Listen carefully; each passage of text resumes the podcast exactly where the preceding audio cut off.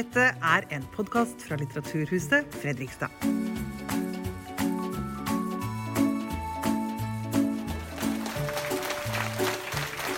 Hjertelig eh, velkommen eh, hit til Litteraturhuset Fredrikstad og til vår store jubileumsuke. Jeg heter Roy Konradi Andersen og jeg er eh, daglig leder her. Og det er altså nå ti år siden vi nervøst åpna dørene til dette huset. Så denne uka her skal vi feire, men vi skal også reflektere litt over oss selv. Eh, og ikke minst eh, det eh, huset er mest kjent for litteraturen. Og i kveld så skal vi hoppe rett inn i en av de mest friske litteraturdebattene vi har hatt på lenge her i landet. Selv om det strengt tatt er flere debatter i debatten. Hva skjer med litteraturen og kunsten i et mediemarked og et bokmarked som er stadig mer opptatt av overskrifter, klikk og markedsandeler? Så gjenstår å introdusere mannen som skal lede oss trygt gjennom denne debatten. Journalisten, oversetteren, manusforfatteren, redaktøren, ja, selve oraklet fra Selbakk, Kjell Jørgen Holby.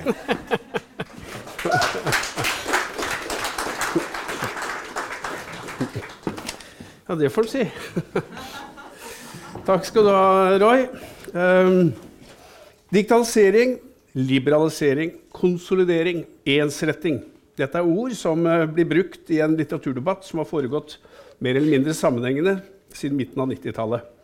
Da den gamle og ganske så rigide bransjeordningen i bokbransjen, den såkalte bransjeavtalen, ble løsnet på. Bokhandlerrabatten ble sluppet løs, kjedene økte sin makt, og de store forlagene gikk inn i bokhandelleddet og ble etter det enda større. Kritikere vil kanskje si at kapitalen med det fikk større spillerom og betydning for hvilke bøker, og underforstått hvilke forfattere, som har mulighet til å nå bokhandlernes salgstorg og avisens kulturspalter. Er dagens bokmarked dominert av kjendisbiografier, kalori, kaloritelebøker og selvhjelpslitteratur? Har skjønnlitteraturen dårligere kår enn tidligere? Og hvis det er tilfellet, hvorfor? Er norske avisredaksjoner forlagsbransjens forlengede arm, blir kvalitetslitteraturen ofret på kapitalens alter. Er det penga som rår? Eller som Agnar Lirus uttrykker det i Aftenposten 2.11. i fjor Money talks, bullshit walks. Her anklaget han avisens kulturredaksjoner for å løpe forlagets ærend ved å hive seg på markedsavdelingenes strategier. Rydd spaltene for de bøkene som i utgangspunktet er tiltenkt suksess. Han fikk eh, flere svar, bl.a. fra Bernhard Ellefsen, som en litt hard klype angrep saken fra en litt annen side ved å peke på det han kaller Netflix-logikken som har inntatt bokbransjen. Innfallsvinkelen er forskjellig, men slik jeg leser det, er begge enige om at litteraturen står overfor fundamentale problemer. Det skal vi høre mer om i dag. Mot dette har direktør i Bokhandlerforeningen Anne Schjøtz innvendt at mangfoldet i den norske bokheimen aldri har vært større, og viser til tall som viser at antall titler som selges, er høyere enn noensinne. Sliter da norsk bokbransje med fundamentale problemer? Hva består disse problemene eventuelt i? Og hva skal til for å løse dem? Dette er tema for kveldens debatt. Vi har samlet et panel som dekker store deler av det litterære kretsløpet. Og vi takker hver enkelt for å stille opp. Agnar Lirus er skjønnlitterær forfatter. Han debuterte i 2005 med romanen 'Skogen er grønn'. Og som han sier selv, siden har det gått nedover. Jeg er ikke sikker på det. Men han har gitt ut syv romaner og to diktsamlinger. Og han har også blitt nominert til Kritikerprisen for ungdomsromanen 'Ellers er jeg ikke noe menneske'. Velkommen, Agnar. Og årets roman, eller fjorårets er det vel, kan kjøpes her etterpå. Antageligvis med en signatur. i. Hvor skal jeg sitte? Du kan velge, så å si. I Utkanten. ok. Bernhard Ellefsen er litteraturkritiker, bokansvarlig i Morgenbladet og ble kåret til Årets kritiker i 2014. Vant Arne Hestnes journalistpris i 2016. Han er også forfatter. Velkommen, Bernhard.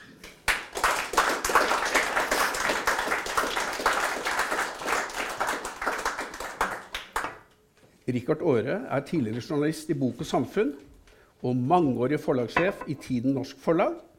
I dag jobber han med forretningsutvikling i et av Norges største forlagshus, nemlig Gyllendal. Rikard, vær så god.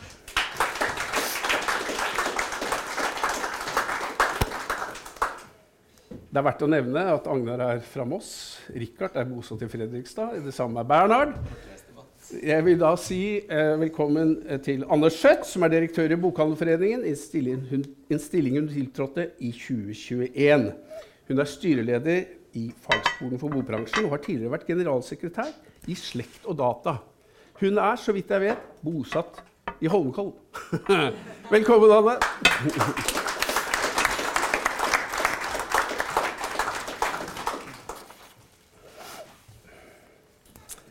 Ja, Vi skal altså diskutere Dette er uh, tunge ting, og vi skal diskutere dem grundig. Men eh, aller først, Agnar, du, du, åpnet ballet med ditt innlegg i Aftenposten. Eh, kan du starte med å sammenfatte liksom, selve problembeskrivelsen? Ja.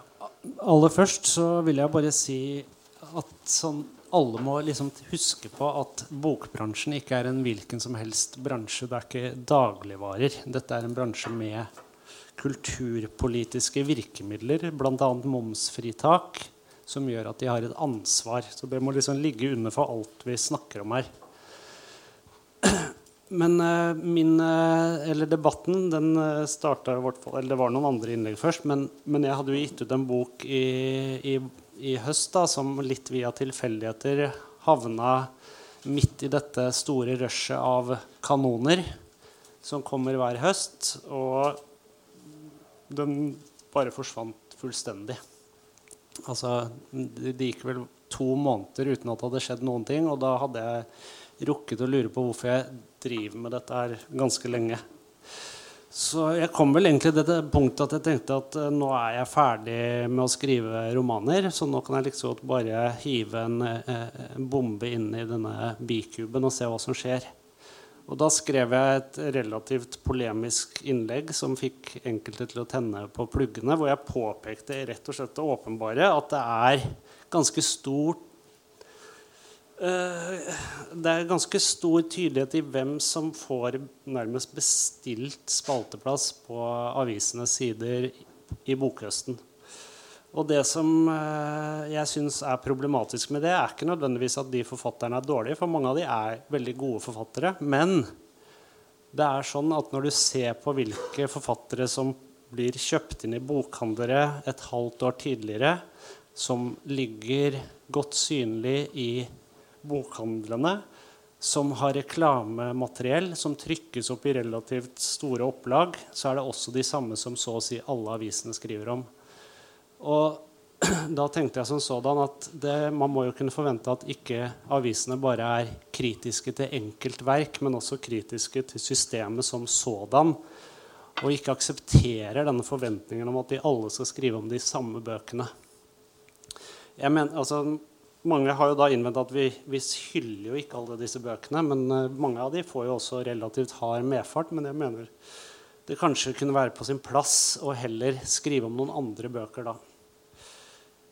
Eh, så min hovedkritikk eh, er egentlig rett og slett det mot bransjen, altså mediebransjen, som jeg egentlig ikke syns er det verste med bokbransjen. Det var der det begynte. Jeg regner vi skal gå videre etter hvert. Men min hovedkritikk da er egentlig bare at de er villige til å løpe bokbransjen, bokbransjens ærend. Yes. Bare litt oppfølgingsspørsmål. Er, er, er, ikke det en naturlig um er ikke det naturlig dynamikk i, i alle kunstarter? Sagt, at uh, de som er mest populære og selger mest, og så videre, får best dekning i avisene?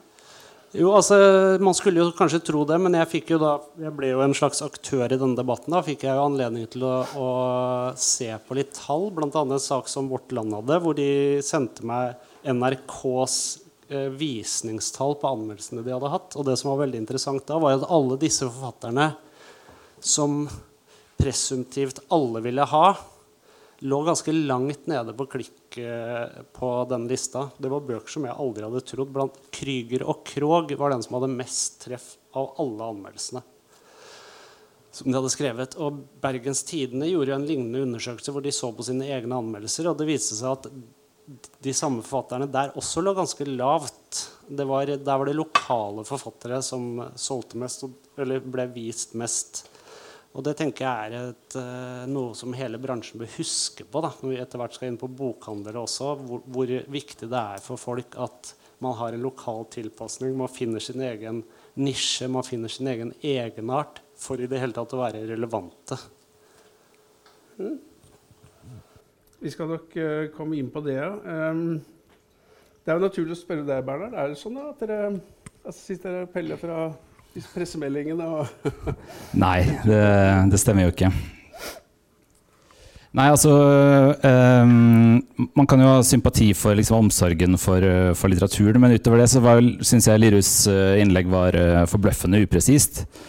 Um, Altså det første er jo at han, eh, han, sier at tiden er moden for denne debatten. Um, men den debatten har jo løpt i 15 eller 25 år, ganske uavbrutt eh, for de fleste andre. Så, så det føles jo nærmest som en slags sånn privat oppdagelse. Når det kommer til denne beskrivelsen av den litterære offentligheten, så, så mener jeg at den er urimelig. For det første så er jo disse forfatterne som Lirhus er inne på da, og, og innrømmer, veldig gode forfattere som får en god del oppmerksomhet. Han karakteriserte dem da som kjendiser, men vi snakker jo om Trude Marstein, Mathias Fallbakken altså Forfattere i et sjikt som, eh, som enhver offentlighet nok vil være ganske stolt av at, at var de mest omtalte. Um, Klassekampen gjorde jo en litt um, spesiell telling i etterkant av Lirus innlegg. Jeg er veldig usikker på tallgrunnlaget der. men hvis man skal tro på det, så, så viser de jo at det i hvert fall er fem forfattere i det litterære sjiktet på liksom antall um, saker i avisene foran Jo Nesbø. Det vil jeg jo si er et sunnhetstegn av dimensjoner. Uh, men mitt poeng også er jo at um, litteratur er veldig godt dekka fremdeles. Det var mer før. Jeg som litteraturkritiker kan jo ønske meg tilbake til 1920-tallet, hvor en debut fikk 70 omtaler i avisen osv. Men hvis man ser på det fra et offentlighetsperspektiv, så ser man jo at, at litteratur er veldig godt dekka i avisene sammenligna med andre kulturuttrykk, sammenlignet med andre stoffområder. Og, og at det er vanskelig å si at det, skulle, at det er veldig mange bøker som, som utgis, uh, skulle vært anmeldt som, som ikke er det. fordi Dagbladet alene anmelder 250 bøker i året. Vi anmelder kanskje 400. Klassekampen kanskje 500. Det er ikke fullt overlapp eh, mellom disse engang. Og i noen sjangre eh, eller grupper av bøker så er det opplagt at man kunne ønske seg mer oppmerksomhet. Særlig oversatte bøker er det vel det som er mest underdekka. Men når det gjelder norsk skjønnlitteratur, da, som, du, som du skrev om, så, så mener jeg at det er et eh, felt som får så mye oppmerksomhet som man egentlig kan håpe på. Hva tenker du til det, Agnar? Jo, jeg er faktisk ikke uenig, jeg er ikke uenig i det. Nei. Jeg er helt enig i det. Men uh, som jeg også har sagt, så er det jo ikke min oppgave å skrive at uh, litteraturen burde få mindre oppmerksomhet. Det, det som jeg syns er litt underlig med Bernhards resonnement utover det, er jo det at uh, det er liksom enten så er du en god forfatter, eller så er du kjendis. Jeg jeg elsker jo Dag Solstad. Jeg synes allikevel Det er morsomt når Jan Kjærstad sier at han er landets største nasjonalpark. Jeg skjønner hva han mener, på en måte. Og det er jo en viss sånn kjendisaura f.eks. av Mathias Fallbakken, eh, selv om han er en god forfatter, vil jeg påstå. Eh, det gjelder jo mange. ikke sant? Så, så jeg ser ikke helt at det er så problematisk. Og jeg, jeg, jeg, for det første så var ikke min eh, eh, mitt utspill gikk jo ikke mot Morgenbladet. For Morgenbladet har faktisk en gjenkjennelig profil, særlig når det gjelder sakprosa. Eh, men, eh, men, de har også skrevet om alle de bøkene jeg nevnte, foruten Jo Nesbø, tror jeg. Så, så, det er jo påfallende da, at, de, at det, det, de, også de har eh, gått på den. Jeg vet at Morgenbladet ikke møter forlag som en av de få redaksjonene. Så gjør ikke de det. Men jeg vil allikevel si at dette er faktisk noe i det. Selv om du er uenig. Ja, nei, altså, Jeg, jeg tror faktisk det eneste vi er, det vi er mest uenige om, er hvor dum jeg er. Nei, det, er, det, jeg syns ingen er dum i. Men eh, det er saken som er mest interessant for min del. Da. Men eh, det her med kjendiser så kan man jo trekke opp hvilke bøker som faktisk selger mest i Norge, og se på hvilken medieoppmerksomhet de er gjenstand for. De største bøkene i fjor er jo eh, bøker om Herman Flesvig, eh, Therese Johaug. Eh, den klart vel bestselgende sakprosaboka er Airfryer-kokeboka. Altså Hvis man skal se på samsvar mellom hva som ligger på bokhandlenes torg, og hva som dekkes i avisene, så er det jo et å, altså påfallende misforhold. Nesten alt som liksom selger i paller eh, i bokhandelen, eh, omtales jo ikke på kultursiden. i hvert fall. Eh, nå er det sikkert intervjuer om airfryer eh, i magasiner og sånt, eh, eh, og det er greit. Men, men det er jo ikke sånn at de virkelige kjendisbøkene eh, eller de virkelige liksom bestselgere bestselgerne altså av den mest tabloide arten dominerer kultursidene til og med til VG. Gjennom høsten så er det mer Trude Marstein enn Airfryer-kokeboka. Og det er vel, altså Vi har jo en, en interessant eh, en, dette, er, dette er jo en interessant debatt fordi vi har en av verdens mest velfungerende litterære systemer. Og en utrolig velfungerende litterær offentlighet. Og så skal vi ønske oss mer. Og det er, det er jo en del ting som peker veldig feil vei. da. Um, men det, det kommer så skjevt ut da, når, eh, når um, problemet er at kulturens mest sentrale forfatterskap uh, får oppmerksomhet. oppmerksomhet. Det er ikke problemet. Det er bare sånn det Da er vi enige om det. Fordi, Men det eh, må også bare skytes inn at i f året før så var jo Linn Ullmann og han eh, søsterklokkene helt der oppe, så det fluktuerer jo litt hvilke som selger mest. Vi må jo tilbake til problemene, dere. Og uenighetene. Og, og, og Bernhard eh, Jeg leser jo dere som at, det, at på mange måter så er det litt, ja, litt skinnuenighet egentlig eh, mellom dere, i, sånn som debatten kom ut. Jeg trenger ikke å forfølge det så nøye, men, men du, Bernhard, du, du velger en annen eh, innfallsvinkel på din hva skal vi si, problembeskrivelse i, i, i det du skriver. Du snakker om Netflix-logikken. Um, hva ligger i det? Altså, hvis du har halvt skritt tilbake, så har jo Lirhus Lirus rett i at det, er fundamentale problemer i dette systemet. Da. Eller i hvert fall liksom et tegn til at det går i feil retning. Og det gjelder jo på en måte mange deler av kretsløpet. Man ser jo at små forlag og, og mellomstore forlag sliter veldig. Man har sett mange konsolideringer, som du kalte det. Altså at små forlag gir opp og får stå på egen hånd. eh, slår seg sammen eller, eh, eller lar seg kjøpe opp av eh, større forlag. Man ser en eh, voldsom eh, ensretting i hvert fall av bokhandeltypene. Så kan vi diskutere om innholdet i hver bokhandel, men altså eh, 100 uavhengige bokhandlere eh, forsvant fra, altså på 15 år fra 2005 og fremover. Eh, så vi har jo mange sånne strukturelle, konkrete ting. De gamle problemene. og så har vi jo da en tordensky da, som, eh, som mens vi liksom polerer dekket på Titanic, vel er det som kommer til å synke oss til slutt. Og det er jo at eh, boka selvfølgelig møter jo en enorm konkurranse fra alle andre underholdningsformer. Og det er én ting. Um, lesing er en trua aktivitet, rett og slett. Eh, noe alle burde tenke utrolig mye på. Eh, og det andre er jo at eh, Og som jeg på en måte egentlig syns er litt jævligere, det er at eh, litteraturen tilpasser seg dette. Altså når, når det hovedkonkurransen om vår oppmerksomhet kommer fra eh, strømmegiganter, fra skjermer, fra liksom underholdningsplattformer som ikke eh, leverer individuelle, egenarta kulturuttrykk som Trude Marsteins romaner eller Karl Ove Knausgårds eller, eller sånn, men content, altså innhold. Utbyttbart innhold som har det primære målet å bare holde folk eh, ved skjermen. Fordi det tjener man penger på.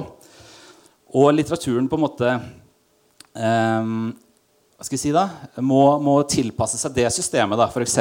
ved å, å gå over til strømming av lydbøker og ser at helt andre bøker har sjans der, så mener jeg at man må liksom være var for de liksom massive strukturelle utfordringene som eh, litteraturen står overfor. Og der tror jeg at man liksom må holde disse to eh, sporene da, av utfordringer i hodet og skjønne at det er det gamle settet med problemer. altså hvor pengene i bransjen blir av, uh, hvor lett det er å drive med noe annet enn det de største driver med.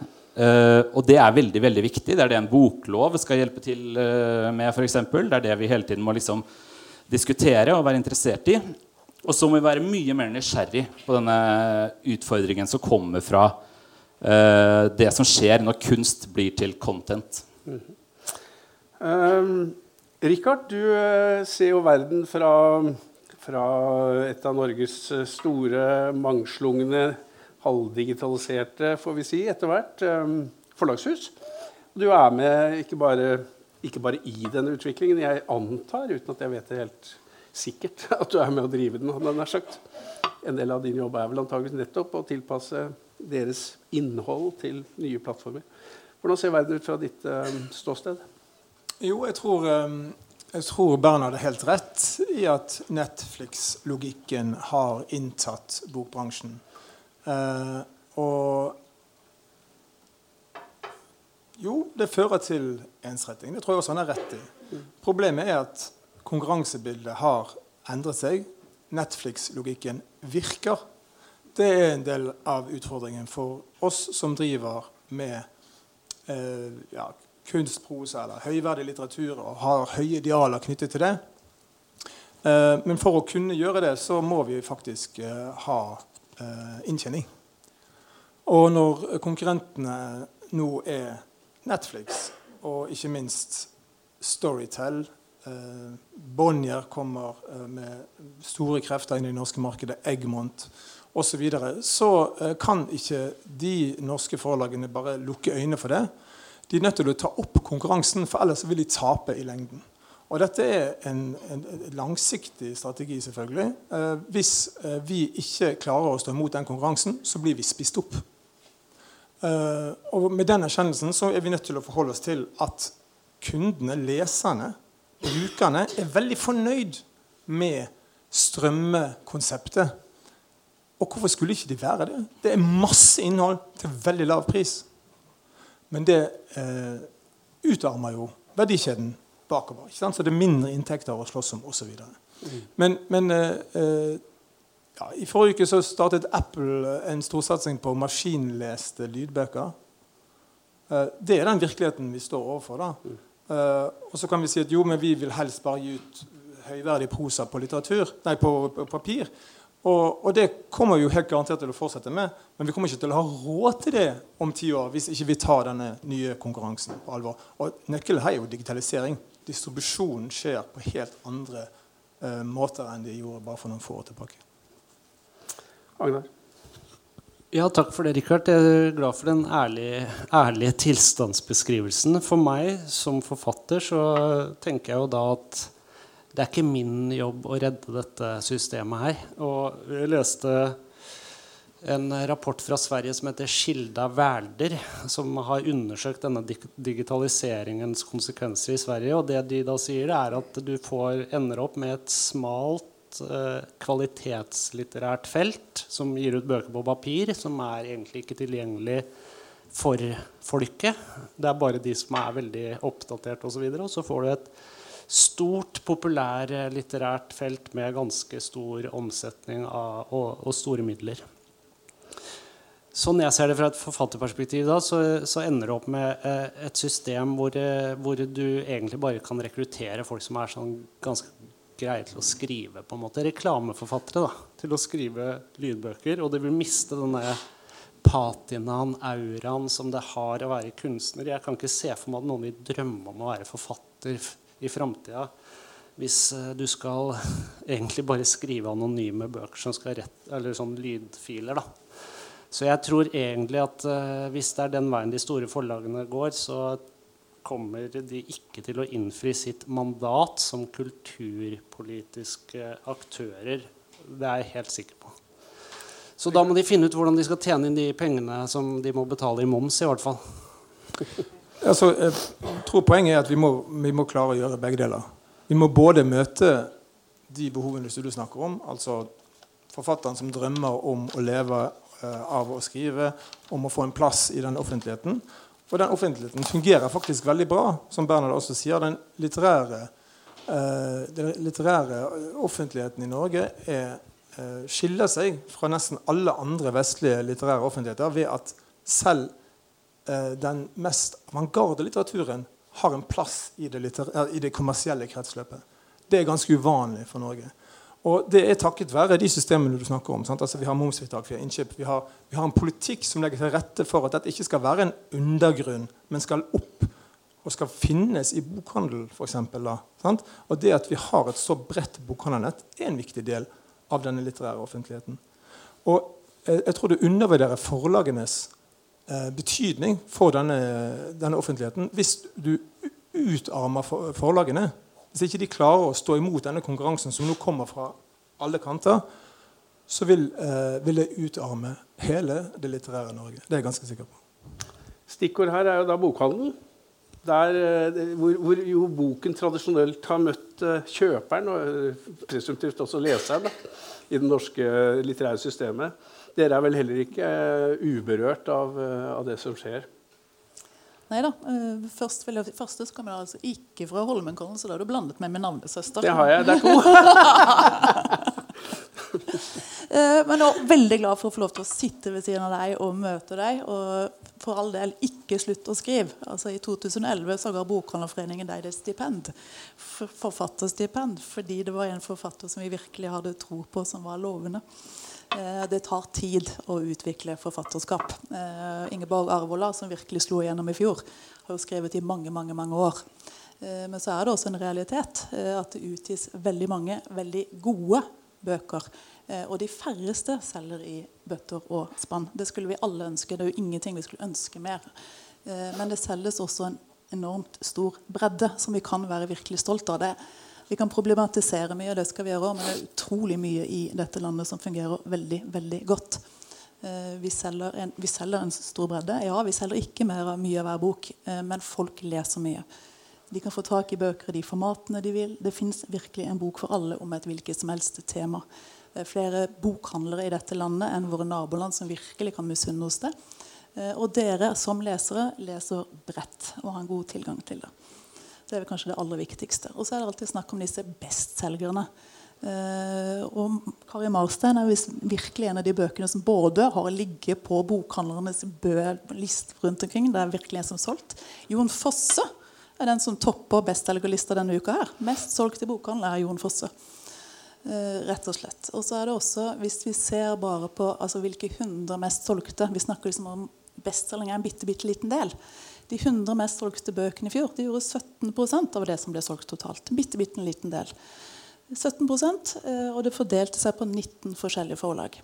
Uh, og I alt så solgte bokhandlene i fjor fra 1330 vi kaller det vareeier, men eierforlag, som igjen egentlig tilsvarer masse forlag. Så det er, ganske, det er mye som er bra. Eh, og for lesernes del at dere nå kan få tak i strømming. Det skjer mye her. Det er helt riktig som Bernhard sier. Eh, det er en endring. 2015 var kanskje det året hvor vi solgte mer bøker enn noen gang. Så har det gått litt ned etter hvert. Eh, bredden Vi selger flere og flere bøker etter hvert. Som igjen er en kombinasjon av at det er lett for dere å få tak i bøker overalt. Det er godt til tilgang på nett. Du har klikk og hent, som gjør at du kan bestille på nett, hente i butikk og vice versa. Så det er en del sånne type ting. Så har du strømming, som selvfølgelig påvirker det hele nå. Så vi ser at det går litt ned. For leserne så betyr det ikke noe. Det betyr jo at dere også i tilgang. Altså når vi ser på leserundersøkelsen, så ser vi at det er de som leser mye allerede, som også lytter. Nå kan man lytte, man kan lese det, og få tilgang til mye. Så mye er bra. Eh, rett og slett. Og det må vi jo verne om. Så er det bekymringsfullt, spesielt når vi ser at kanskje unge leser mindre. Mm. Agda, du ba om en replikk? Jeg hadde bare en liten replikk til egentlig dere to sin virkelighetsbeskrivelse. Du sa Richard, at eh, jeg undervurderer hvor viktig forlaget er. Ja, til en viss grad. Men, men, det jeg gjorde før jeg kom på den debatten, her var at jeg ringte rundt til mange forskjellige uavhengige aktører. Jeg har snakka med No Comprendo, som utgir Victoria Kielland fra Fredrikstad. Jeg har snakka med Pelikanen i Stavanger, jeg har snakka med Tronsmo, jeg har snakka med Martin, som driver House of Foundation, jeg har snakka med Camino, som er her i, i, Fredrikstad, om hvordan det er å være uavhengig kontra å være på innsiden. Det som er veldig viktig å huske på her, er jo at mellom bokhandlere og forlag altså de, Du jobber jo i Gyldendal, dere eier ark. ikke sant? Og når man selger en bok til ark, så gir man kanskje 50 rabatt. Eh, hvis man da er Gyldendal som gir denne rabatten, så er jo det ganske greit, for den rabatten går jo tilbake til Gyldendal. Hvis man er Pelikanen eller No Comprendo, eller noe sånt, så gir man da 50% til Gyldendal. Så det er noe med strukturene som er i ferd med å på en måte sementeres og nærmest uh, bli vedtatt ved lov da, når vi får bokloven, som er sånn at det er en uh, forflytning av makt og kapital som på en måte infrastrukturen er sånn at de sterkeste blir sterkere. Og når det gjelder da hvor mange titler som selges osv., så, videre, så har jeg også sett på de tallene som dere har, og det er liksom 50 000 titler på ett år. Og da tenker jeg sånn, Det er tanta til Beate og bestemor Gerd som har kjøpt en selvpublisert bok ikke sant, på nettet. Ikke sant? Og det er jo også et sånn at eh, når en bok ligger på pall i bokhandel på Ark eller i Nordli, så er det ikke fordi at eh, den er så himla bra, det er fordi forlaget har betalt for at den ligger der. Og det er det jo ingen som veit. Så det er så mange sånne hemmelige ting og tang som eh, er i denne bransjen her, som jeg har fått bekrefta fra veldig mange jeg har snakka med. Nå har samtlige tegnet seg for å si noe om dette. Rikard først. Ja, altså eh, Siden vi har snakket om Netflix eh, De begynte som en distributør, en ren distributør av content. Som vi gjerne uttaler med litt sånn forakt i stemmen. Eh, masse forakt. Masse forakt. Content, altså innhold. Altså ja, eh, Produsert av eh, opphavspersoner. men, men eh, så, når de begynner å få en posisjon, så kjøper de seg inn og bygger inn produksjonsledd. Altså de begynner å skape sitt eget content. Selvfølgelig gjør de, gjør de det, for det er en god forretningsmodell for dem. Markedet eh, ligger der for dem, og de får mer makt i forlaget hvis de eier sitt eget innhold. Eh, mer makt enn om de må ut og forhandle betingelser med andre leverandører av content. Så det er en, eh, eh en veldig naturlig utvikling i et kommersielt marked. Og eh, de store forlagene i Norge er jo i et kommersielt marked. Eh, det er de nødt til å være for å kunne gjøre investeringer, langsiktige investeringer i den litteraturen som vi alle er opptatt av. Og jeg tror du eh, altså, altså uh, Idealene i norske forlag er veldig høye. Mange jobber, veldig mange jobber i den bransjen fordi at de er glad i litteratur. Ikke fordi de er spesielt glad i strømmemodellen. den er vi tvunget til å å utvikle. Fordi at det er det leserne ønsker seg. Men for, for, for forlagene er jo det veldig dårlig økonomi i strømmemodellen. Så det er ikke sånn at vi ønsker det. Vi må bare forholde oss til at sånn er utviklingen. Og det å være liten og uavhengig blir ikke enklere. Selvfølgelig blir det ikke det. Det er ingen økonomi i det. Det kommer, til, det kommer ikke til å bli det. Det kommer til å bli skvist ut. Eller så må du jobbe med, altså, med lave inntekter, ingen inntekter osv. Da snakker vi en fremveksten av en undergrunn som, ikke, som, driver helt ideelt, uten inntekter. Men er det ikke der mye av mangfoldet er nå? Ja, vi, vi, er nødt til å ta det vi, tiden flyr, folkens. Eh, Anne, du ba også om eh, Hold the thought. Ja, Kjapt igjen i forhold til småforlag. Altså igjen, Vi selger fra alle. Vi er gjensidig avhengig av hverandre. Det er kjempeviktig. Du nevnte Victoria Kielland igjen en av de som vi har gitt forfatterstipend til. Hun ble nominert bokhandler, til Bokhandlerprisen, og bokhandler elsket henne.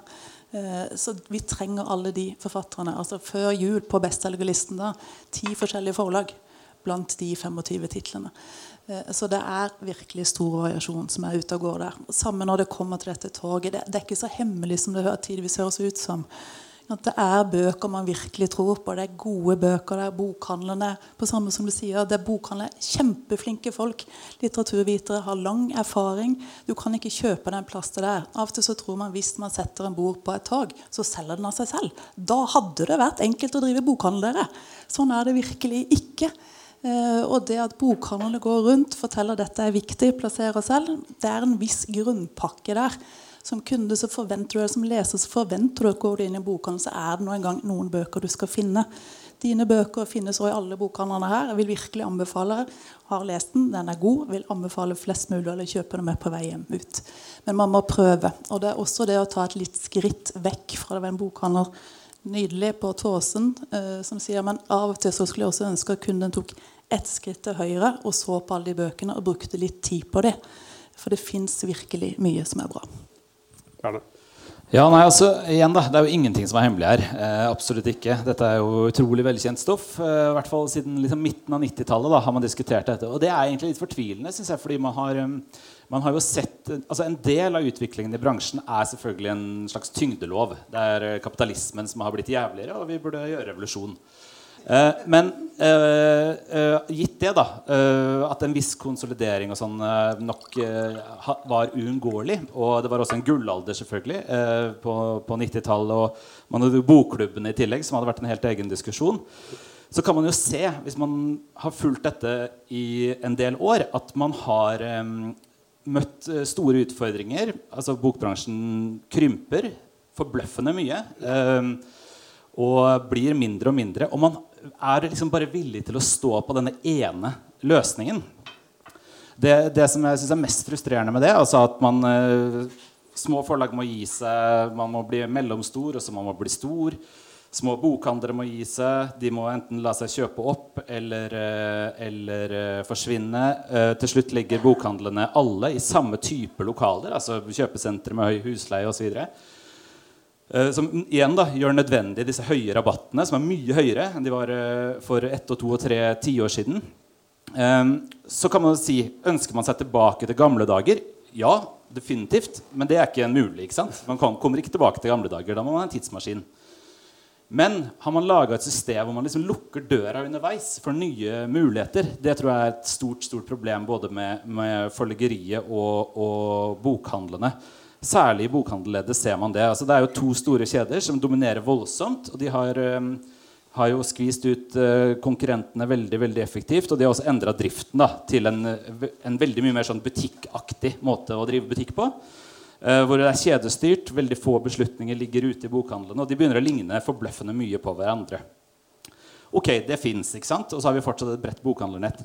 Men underveis da, så har man jo sånn som Lirus sier, sementert et system med veldig høye rabatter. Hvor, hvor altså forlag da, må gi fra seg veldig mye av bokkrona for å komme inn i bokhandel f.eks. Noe som jo gjør alle alternative løsninger nå nesten umulig. Det er jo der du har støtt på uavhengige aktører som sliter. Men man kunne jo også tenke seg at det er idealister. ikke sant? Det er på en måte folk som nok brenner så mye for det, at det skjer uansett. Men også mer sånn kommersielle eh, nyskapninger blir jo veldig vanskelig å se for seg. Hadde noen hatt lyst til å drive bokhandel eller selge bøker på en helt annen måte, fra et helt annet sted, så er det umulig å komme inn. Du må drive bokhandel akkurat sånn som Arko Nordli gjør det, for å ha kjangs, fordi hele systemet er liksom rigga mot én um, verdikjede. Når den verdikjeden år for år fører til en bransje som krymper, kunne det være en idé da, å holde noen dører åpne. Eh, det tror jeg er en mer sånn fremtidsretta måte å, å, kritisere dette systemet på. Eh, selvfølgelig ønsker man seg tilbake til at eh, bokklubben til Pax solgte 10 000 eksemplarer av en William Reich-bok i 1960. et eller annet. Det skjer ikke. Men, men, alle de mulighetene som ikke engang oppstår altså, pga. skyhøye rabatter Hele bokhandelssystemet er rigga mot at du må ha Det er jo verre enn 50. Det er jo 55 ikke sant? Da er, da er, det ikke noen åpne dører for noen som, som, vil noe annet. Og det tror jeg er um, Det låser av så mye. Um, og der, der, har vi liksom endt opp i at det norske uh, litterære økonomiske kretsløpet tross alt er for stengt. Og, og der tror jeg også Bokhandlerforeningens uh, liksom, forståelse av situasjonen er altfor alt for, um, um, hva skal jeg si, altså, Den er altfor positiv, rett og slett. Fordi det er, det, er, det er, et enormt mangfold som går tapt når 100 uavhengige bokhandlere som ser helt vilt forskjellige ut, som er drevet på vilt forskjellige måter av vilt forskjellige folk, som vil forskjellige ting. Og de selger kanskje ikke de bøkene som Lirus liker, men den der tanta til Beate det er også bredde i dette feltet. da. Og det er viktig. Hvor, hvor, skal den muligheten finnes nå? liksom? Hvordan skal det gå an å starte et forlag? Hvordan skal det gå an å finne ut at sånn har jeg lyst til å selge bøker. Det har jeg utrolig vanskelig for å se for meg nå. Det mener jeg at, eh, at de store forlagene og, bokhandlene, som jo er på en måte én koloss, uh, har mye ansvaret for. De, jeg tror at de vil boka vel, men jeg tror også de har låst av utrolig mye. Og jeg har kjefta på dette her i over ti år og alltid møtt på det samme. At liksom, dette er den eneste måten det funker på. Du er naiv. Det går ikke an å gjøre det på andre måter. Uh, vel, jeg forsvarer i hvert fall ikke en bransjeløsning som gjør at man liksom krymper med en fjerdedel på ti år. Bare en liten saksopplysning før vi går videre. Det er jo dette rabattbegrepet. Hva er nå det? Det er jo slik at I den norske, i den norske bokbransjen så er det forlaget som setter utsalgsprisen på boken innenfor visse regler. Og Det er de som bestemmer hva vi skal betale for det i bokhandelen. Og rabatten er den delen eh, Når bokhandelen da kjøper boka, så får de en rabatt. Og det er altså ensbetydende med, med bokhandelens avanse.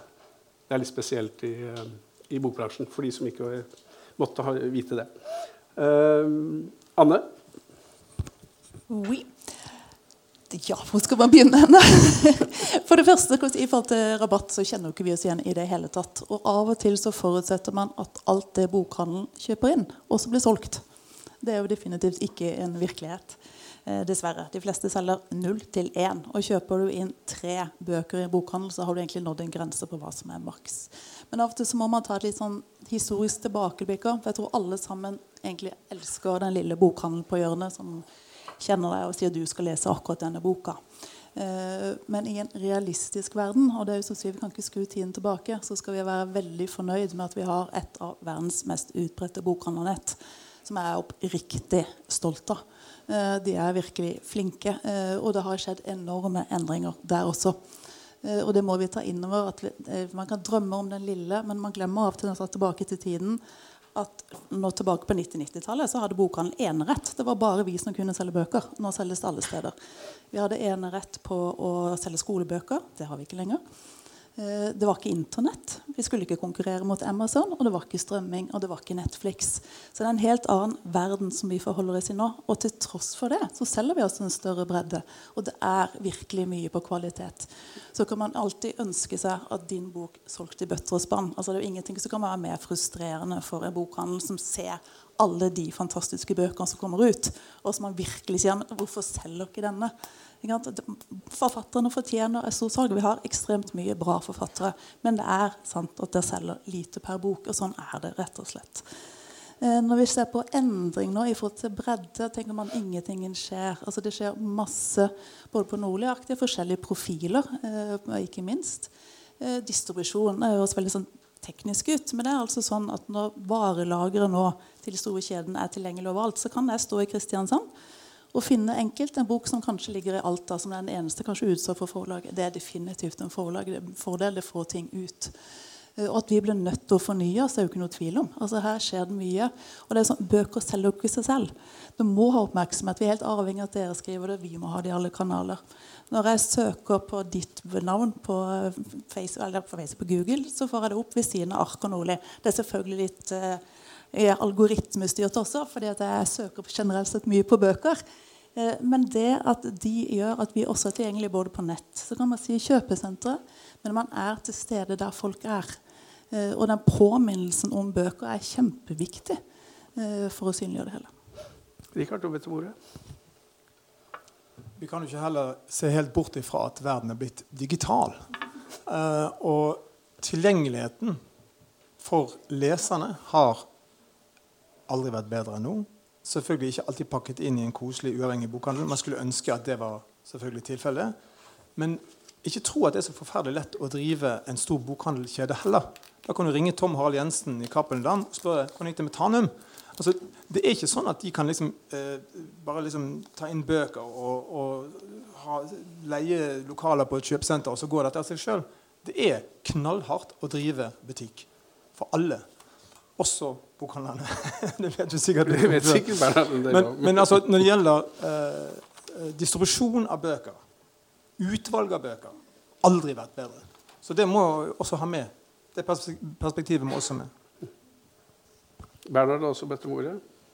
Nei, nei, jeg tar... Ja, Agnar? Ja, nei, jeg, jeg, tenkte jeg bare skulle gi en sånn tilstandsbeskrivelse fra mitt perspektiv da, når det gjelder Ark Nordli, som er, har to butikker hver i Moss. Altså fire kjedebutikker i Moss. Jeg ga ut bok i, nå i høst, og da kan du anta at det i hvert fall er 50 ferdig solgte eksemplarer. Men allikevel så ville ikke de ta inn de bøkene. Ikke før jeg skrev det i Vårt Land at de ikke tok inn noen bøker. Da tok de inn 50. Men jeg, jeg, tenker liksom, hva skal du egentlig med de bøkene, nei, de bokhandlerne hvis ikke de har en lokal uh, vri? Prøver å, å, å, tilpasse seg det stedet de ligger på. Jeg, sånn jeg ser det, så kommer de til å ende opp som nettbokhandler som egentlig bare har en nettdistribusjon. Og, og så får man kanskje flere av den typen gamle, uavhengige bokhandlere som folk som er genuint interessert i litteratur, velger å gå på. Sånn som Camino her i Fredrikstad. ikke sant? Eh, Anne, en kort, uh, kort um, replikk der før jeg skal inn på en siste en liten vri på diskusjonen. Jepp, kjempekort. Jeg har, gått, jepp, jeg har gått rundt i alle bokhandlene her. Boken din er alle steder. Et par steder tok jeg til og med snudde den og satte den ut. Der. Ja, den er på abonnementsordningen, så sånn så skal den være alle steder. Lokallitteratur selvfølgelig all lokallitteratur. Lokal, lokallitteratur er superviktig. Fysiske bokhandel er kjempeviktig. Eh, nettopp fordi den ligger rundt omkring og møter folk. Så betydningen av den er litteraturpolitisk knallviktig. Kjapt lite eksempel fra Surnadal. Rekker vi det? Ja, ja, ja, en liten bare forklare betydningen av den fysiske bokhandelen. Hvorfor vi ikke bare kan ha nettbokhandlere. Eh, Surnadal, lite sted på Rogaland, 6000 innbyggere, hadde ikke hatt bokhandel i ett år. Så startet Arko opp sin. I løpet av ett år så selger de da 12 000 bøker. Det er ikke så mye. Eh, det er 2,5 million. Eh, når du trekker fra husleie og alt mulig, så ser du selv det klarer man egentlig ikke å leve på. Men det er to bøker per innbygger, og de solgte 3000 forskjellige titler. Så det er et mangfold. og det betyr Den salget hadde de ikke hatt hvis ikke den fysiske bokhandelen var der. Så fysiske bokhandel er superviktig. Jeg hadde tenkt å bare som et siste tema, eh, som, som vi har berørt så vidt av eh, Du snakker om en realistisk verden. Du snakker om en kommersiell verden, en kommersiell virkelighet osv. Og gitt at verden er blitt så realistisk og så kommersiell og så utsatt, og sånn, så ser det ut som, som liksom, eh, katedraldelen av Børs og katedral blir liksom mindre og mindre snakket om. Spørsmålet, jo, spørsmålet, mitt er jo fortjener en bransje som er såpass konsolidert og, og har så store, så store aktører eh, som i dag, fortjener de den statsstøtten og skjermingen som ligger i de ordningene som nå er i ferd med å bli, bli eh, knesatt i en boklov? Spørsmålet går til eh, alle fire. Men først til Rikard. Og det handler altså om fastpris, ja. moms, uh, fritak og en del andre ting. Innkjøpsordning med videre. Ja. Uh, jeg syns jo det, da. Men uh, det er ganske omfattende investeringer som skal til for å satse på ehm, høyverdig skjønnlitteratur. Langsiktige investeringer. Og det hadde ikke vært mulig uten de støtteordningene som fins. Uh, Eh, men forlagene spiller fremdeles en veldig sentral rolle i den utviklingen. Eh, jeg gjorde en undersøkelse eh, i et prosjekt for et par år siden der vi prøvde å finne ut hva var det viktigste for forfatterne når det gjaldt forlag. Og svaret er eh, to ting. Det er omsorg. Å ha et menneske i den andre enden er det absolutt viktigste for en forfatter. Du kan ringe og kjefte på, f.eks. når det går dårlig. Og det andre er eh, markedsføring. Og det er de to tingene eh, forlagene bruker mest penger på. Altså folk i markedsapparatet som driver med salg, eh, PR, kommunikasjon, sosiale medier osv. Alt det som skal til, apparatet som skal til for å, tatt å nå frem i offentligheten. Og så er det redaksjonelle krefter. Som bruker selvfølgelig veldig mye tid på å lese og utvikle manus, men som også er en omsorgsperson i denne økonomien. Mm -hmm. Bernhard, hva tenker du om det? Ja, ja. Nei, altså, det er jo, eh, nå er jo ikke, nå, hvis vi skal liksom realitetsorientere litt, så er jo ikke noe av dette i særlig spill. da. Så hva, hva vi mener er, altså for, eh, for eh, da, da, Trond Giske var uh, kulturminister, så minnet han bransjen på at uh, det ikke var eh, butikker som andre butikker. For i vanlige butikker så betaler man moms. Det er vel sist gang det riset bak speilet liksom eh, var i, var eh, i virksomhet. Så det er, ikke noe, det er ikke noe veldig stor fare for noen av disse ordningene, tror jeg. Og de fungerer jo utrolig bra. Altså, som sagt så er jo er det jo veldig gode bøker som opptar mye av sentrum av den litterære kulturen. Og vi har jo en, en helt forbløffende samtidslitteratur. altså Den er helt usannsynlig sterk, rett og slett. Per capita så er den jo umulig sterk. Um, så, så, selvfølgelig skal disse litteraturpolitiske virkemidlene fortsette. Og fastprisen, som er uh, jo da dette systemet at man ikke kan uh, sette ned uh, prisen ordentlig på en bok før etter en viss tid, veldig, veldig viktig. Men det som er, når bokloven nå skal fullføres, omsider Den har jo vært en sånn slags hellig gral i, i, eh, mange år i dette feltet. En lovfesting av alle disse uformelle og egentlig ulovlige strukturene. Så lenge det ikke er i lov, så er det jo et uh, eklatant brudd på EØS-avtalen. Uh, nå, nå, blir det jo da ikke det lenger. Uh, så er det jo ett punkt da, som er det mest tekniske, men som jeg mener er viktig likevel. For man hele tiden så kan man se at små liberaliseringer av bokbransjen har ført til stor ensretting. Det kan man se helt siden 1997, som du var inne på din introduksjon. 2005 var en annen liberalisering. Og alle disse trinnene da, som høres teknisk og kjedelig ut når man uh, sitter i en samtale, og det er nesten ingen som gidder å snakke om det, men etterpå så ser man at uh, verden forandrer seg. Og nå står man overfor et sånt spørsmål da, eh, som kommer til å forandre mye. Og det er et punkt som er et av de få som er åpne, som vi lurer på i ny boklov. Og det er såkalt avanseregulering. Da har vi snakka mye om hvor mye, hvor mye rabatt eh, som skal gis eh, fra forlag til eh, bokhandel, altså hvor fortjenesten skal være. Og spørsmålet er om den skal rett og slett reguleres. God, gammel kommunistpolitikk. Og det må den. Som den var. Den må, si den må, reguleres. ikke sant? Eh, det er jo det eneste i bokloven som ikke er bestilt av bransjen selv. Resten er rett og slett skrevet av bransjen, for det er bare løfta ut av det avtaleverket de selv har laget seg. Så hvis ikke dette bare skal være en sånn gavepakke med sløyfe på til bransjen, så må det være ett punkt hvor de sier sånn Så, så ikke, ikke, ikke, mer der. Og det er kritisk viktig. da. Um, og, og, hvis det ikke kommer, så kommer heller ikke noe, alt å brenne ned. Men det vil være ytterligere liksom å gi, gi fritt spillerom der det egentlig burde være krav. Uh, så veldig veldig viktig at en ny boklov inneholder en begrensning på, på, hvor høy fortjenesten kan være. Og helst så bør jo den være lavere enn en nå. Og så må man, må man rett og slett ta de konsekvensene i bokhandel som kommer av det, og lære seg å, å leve med det. fordi at uh, nå er det så vanskelig da, å, å, være et forlag med under 100 millioner i omsetning. Og det er ganske mye, da. Uh, og det kan man ikke akseptere. Det må, det må, gjøres noe sånn at et forlag, i hvert fall med 50 millioner, da, kan ha sjans. Uh, og så vil, vil, det være idealister og så videre, som kan drive mindre. Men det må være mulig å drive forlagsbutikk 50 millioner i omsetning! Det er jo en stor sjappe. Og det, det, må man legge til rette for. Så det vil jeg si at selvfølgelig fortjener bransjen disse håndsrekningene som hele den norske litteraturpolitikken er, og som fungerer veldig, veldig, veldig bra. Men dette ene punktet er viktig. Da. Jeg mistenker at uh, Bokhandlerforeningen er uenig i dette. Uh, til denne bokloven som tyder på at uh, Bokhandlerforeningen er ørlite uenig. Det er helt riktig. Det er vi dundrende uenige rett og slett. For det første så er det jo ingen grunn til å tro at avanseregulering kommer til å øke bredden i bokhandelen, som jo er det aller aller viktigste. Og det er som du sier, det fungerer i dag. Altså, vi har jo en samtidslitteratur som er helt fantastisk, og som er tilgjengelig overalt. Så det vi vil måles på, er jo at vi rett og slett leverer på, de, på målene på bredde. Og så er det sånn, altså Leseren kjøper flere bøker nå enn noen gang før. Men samtidig så er jo økonomien i bokhandelen helt utsatt. Det som Rikard sier, det å skulle legge til rette for alt, være til stede på de bostedene hvor folk er, på kjøpesentre, ha nett, det koster penger. Eh, og Samtidig så har vi sett de siste årene at volumet går ned, og at omsetningen er pressa.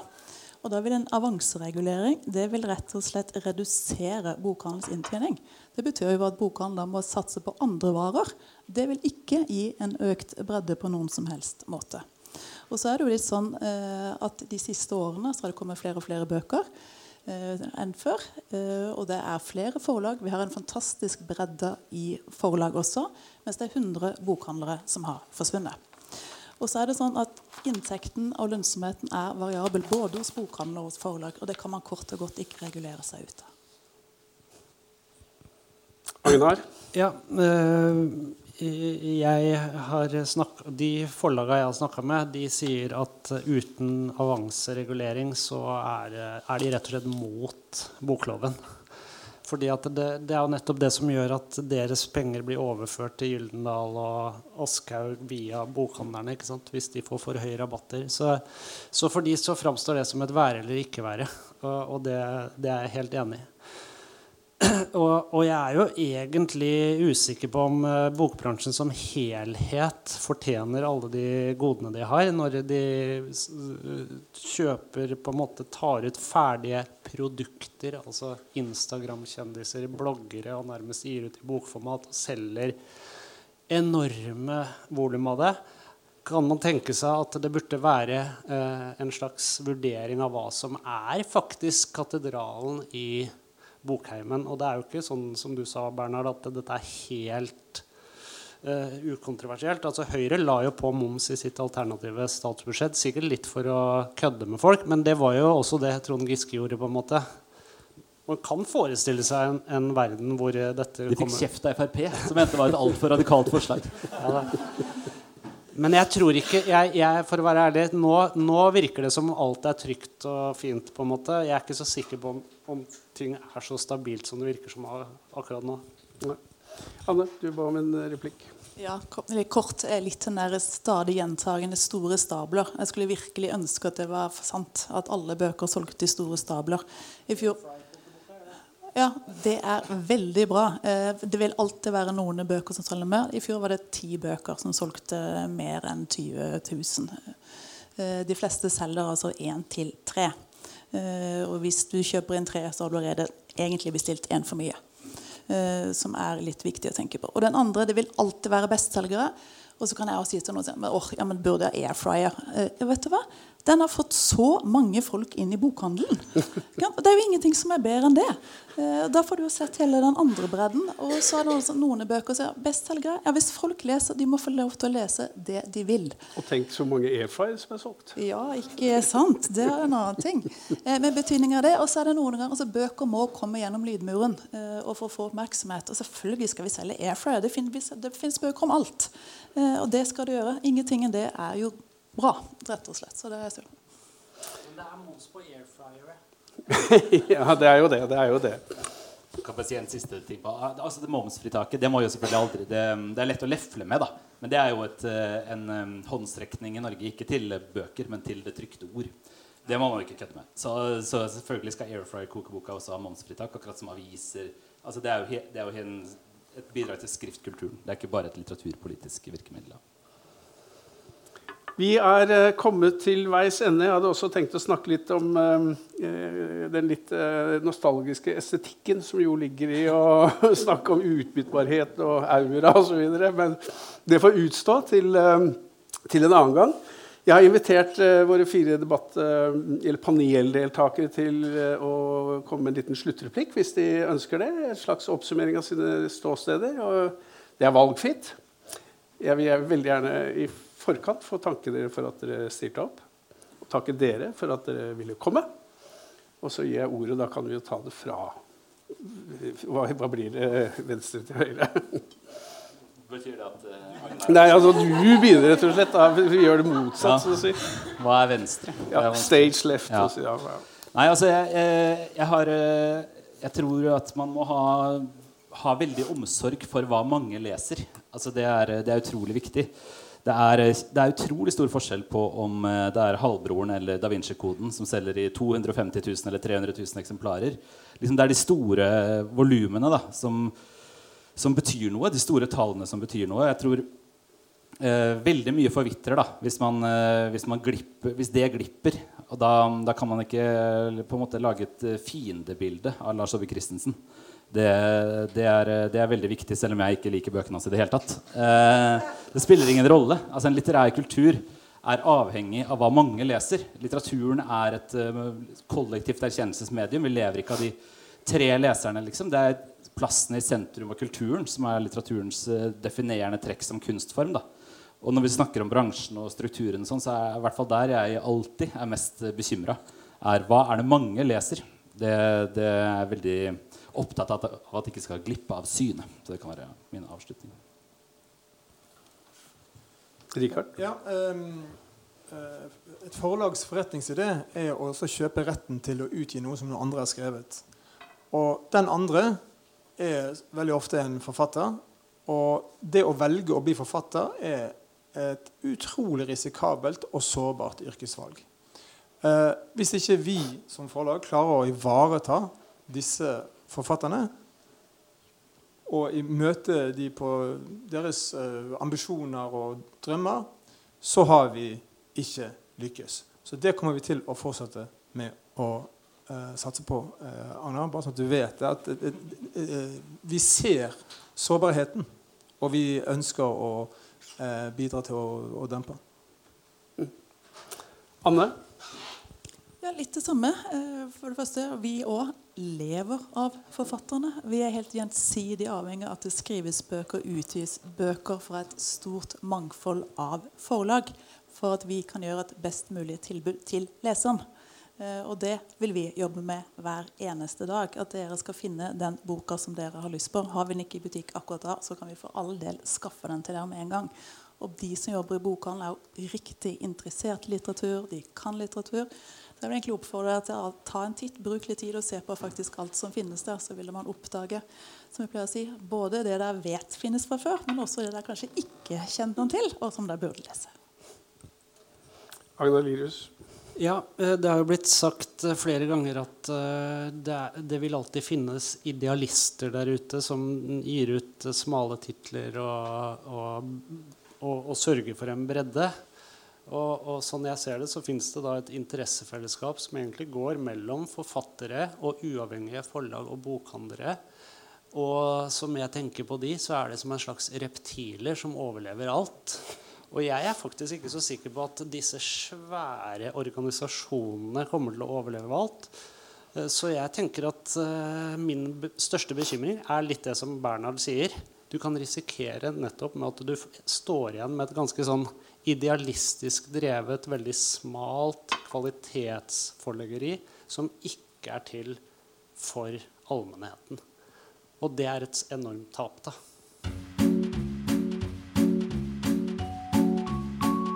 Du har hørt en podkast fra Litteraturhuset Fredrikstad.